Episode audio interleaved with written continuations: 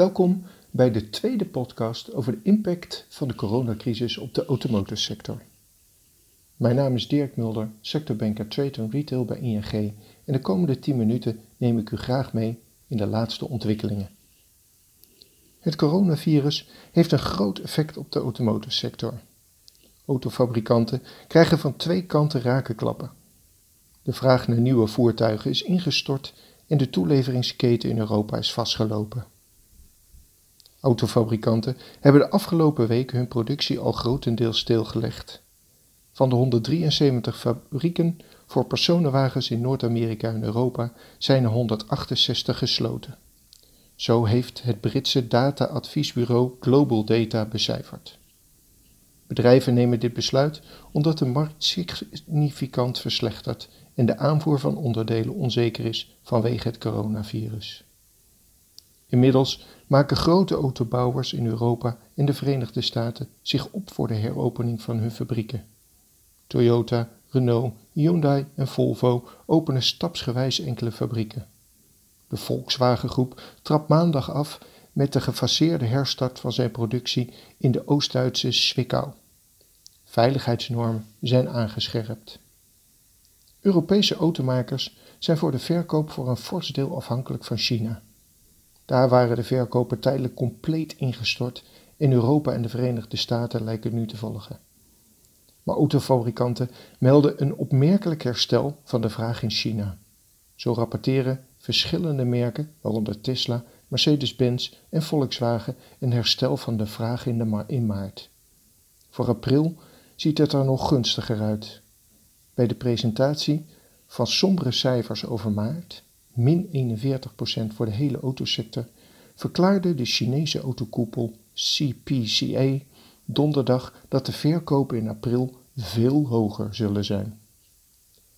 Het stilleggen van de autoproductie vanwege de uitbraak van het coronavirus heeft er in Europa toe geleid dat in de afgelopen weken ruim 1,46 miljoen voertuigen niet gebouwd zijn. Volgens het Europese brancheorganisatie ACEA. E Experts schatten dan ook dat de verkopen dit jaar in Europa 11% lager zullen liggen, met een grote terugval in Italië, min 16,2%, Duitsland, min 14% en een mindere grote impact in Nederland, min 7%. De verwachting is dat de verstoringen door het coronavirus na drie maanden weer op een laag niveau zullen normaliseren. Maar de wachttijden voor de ontvangst van nieuwe auto's nemen de komende periode fors toe, nu fabrikanten hun productie hebben stilgelegd. Mogelijk moeten kopers die de komende maanden nieuwe auto's bestellen tot begin volgend jaar wachten. De Europese auto-industrie maakt dagelijks zo'n 100.000 auto's. Nu is er door alle sluitingen al circa 1,5 miljoen aan productie gemist. Een ander geluid is dat enkele importeurs nog een stuw meer aan voorraad hebben. Bedrijfsadviseur McKinsey schatte onlangs dat op zijn vroegst pas in het derde kwartaal de internationale autoproductie weer goed op gang zal zijn gekomen. Aan de vraagkant moet de autobranche ook hopen dat de vraag naar nieuwe auto's weer op gang komt. In februari daalde de autoverkoop in China met maar liefst 79% toen de wereld op één na grootste economie het zwaarst werd getroffen door het coronavirus. Grote uitgaven worden in dergelijke grote crisis meestal uitgesteld. Gezien de cijfers van maart ligt dat nu dus totaal anders. Als je kijkt naar de situatie in Nederland, dan liggen de feiten als volgt voor. De nieuwverkopen lopen terug. Import is minimaal, vrijwel alleen nieuw verkochte voertuigen. De export daalt gestaag. Logistiek steeds beperkter mogelijk. Ex-leasinnames lopen nog door, maar nemen sterk af. En rentals komen vervroegd terug. In Europa is in maart het aantal aankopen met meer dan gehalveerd ten opzichte van een jaar geleden. Bron hiervoor is wederom ACEA. In veel Europese landen zijn de maatregelen vanwege de coronacrisis veel strenger. Daar ligt de verkoop nu helemaal stil. In Nederland viel de schade afgelopen maart, maand maart nog mee met een daling van ruim 23% van het aantal registraties van nieuwe auto's. Ook in Nederland dreigt de verkoop nog verder in te zakken. De eerste twee weken van april laten een daling zien van 47% van de verkopen. Klanten zijn terughoudend met nieuwe bestellingen. Dealers zien nu al minder tot geen klanten in de showrooms. Grote uitgaven worden in dergelijke grote crisis meestal uitgesteld.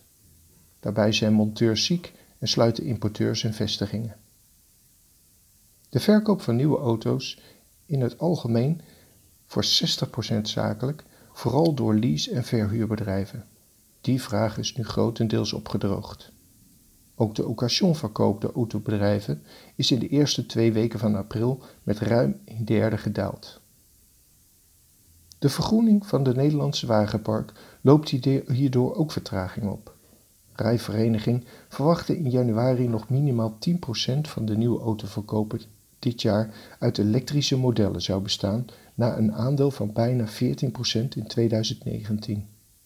De vraag is of dat nog haalbaar is bij deze lagere productieniveaus. De leasemarkt.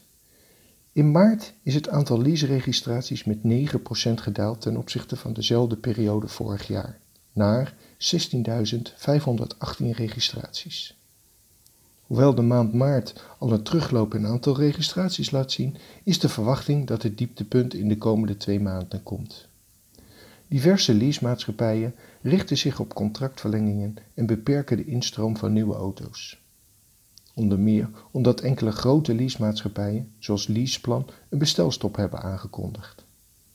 Over heel 2020 ligt het aantal leaseregistraties tot en met maart 2,7% lager in vergelijking met vorig jaar. Ook vraag naar privé-lease van personenauto's wordt geraakt door de uitbraak van het coronavirus.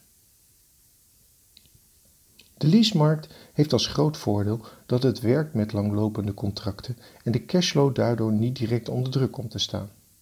Meer goed nieuws: de kostenpost schade neemt af door het dalend aantal vervoersbewegingen. Onderhoud en reparatie lopen nog door, maar je ziet al wel dat de bereiders huiverig worden om voor onderhoud of een bandenwissel naar het autobedrijf te gaan. De impact heeft wel te maken met de klantenportefeuille van het leasebedrijf. Als daar veel MKB'ers in zitten, zal een bedrijf er meer van voelen omdat die markt ook hard geraakt wordt. Voor leasemaatschappijen zijn de klanten veelal leidend voor de invulling van de dienstverlening en de mate waarin auto's worden besteld.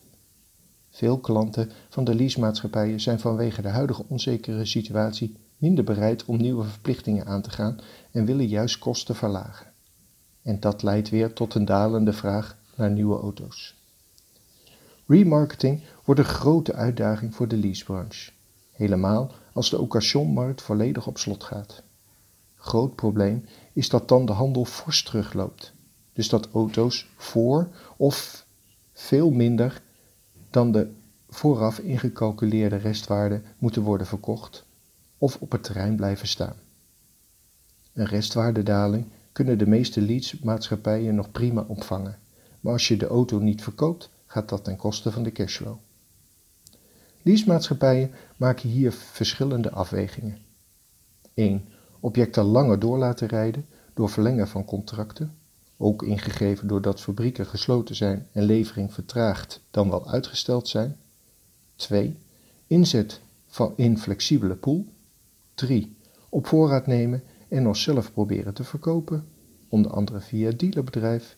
En tot slot 4 toch een keuze maken voor verkoop en dus een mindere marge.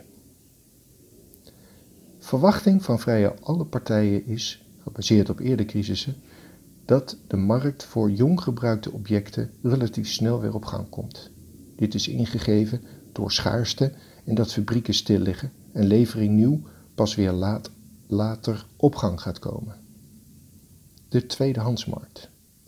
Autobedrijven hebben tot nu toe geen grote prijsverlagingen doorgevoerd op hun occasionaanbod. Volgende maand zal echter wel een prijsdaling zichtbaar zijn. Verwachting is dat de handelsprijzen zullen zakken met gemiddeld 5 tot 7 procent. Autobedrijven zijn daarom geneigd zelf aan de eindgebruiker te verkopen en nemen vooralsnog niet het verlies. Het sentiment is daarbij echt wisselend. De tweedehandsmarkt wordt gedomineerd door grote partijen die de prijzen hoog houden door rechtstreeks aan eindconsumenten te verkopen. Er ontstaat alleen een grote prijsval als er liquiditeit en of logistieke problemen ontstaan bij grote partijen, de lease- en dealerholdings. Gebeurt dat niet, dan zit de markt, voorlopig tenminste, grotendeels op slot en zal er weinig tot niets gebeuren qua prijsontwikkeling van de gebruikte auto's. Op termijn wordt er toch schaarste aan occasions verwacht. Er is minder aanbod en er komt op dit moment minder binnen. Daarbij zullen leveringsproblemen van nieuwe auto's de particulier sneller naar een tweedehands auto doen uitwijken. Ook hebben mensen lange tijd geld kunnen uitgeven en hebben nu meer te besteden aan hun uitgestelde aankoop van een eh, tweedehands auto. Uiteindelijk zullen de prijzen daardoor naar verwachting normaliseren naar een niveau van voor de crisis. De aftersalesmarkt. En omdat doordat veel mensen thuiswerken en daardoor minder gereden wordt, neemt het aantal autoschades af. Dat merken de schadeherstelbedrijven. Er is sprake van een omzetverlies van 50%. De sector wordt extra hard geraakt omdat de afgelopen jaar fors is geïnvesteerd om zo eh, schadeherstelwerk aan steeds complexere en moderne auto's te kunnen verrichten. Tot slot, als ondernemers kun je alvast een aantal zaken in gang zetten. Benoem wat je allemaal doet voor de gezondheid van collega's en klanten. Stop met offline marketingactiviteiten. Alles moet draaien om online leads. Zorg dat de werkplaats gevuld blijft, onder andere door haal- en brengservice. Probeer nu al kosten te verlagen en neem voorraadposities goed door. Zorg dat je klaar bent voor de periode nadat de uitbraak stopt. Online leadopvolging is een deel van het antwoord, maar online verkoopt minder dat weinig bedrijven daarop ingericht zijn. Bedrijven kunnen nu de tijd nemen voor hun online activiteiten. Ze kunnen gebruik maken van de situatie om online alles beter te presenteren. Een soort achterstallig onderhoud. Voor meer informatie kunt u kijken op de site van ing.nl. Mocht u vragen hebben, dan kunt u contact met mij opnemen op 06 11 380 971 of via dirk.mulder.ing.com. Ik dank u voor het luisteren.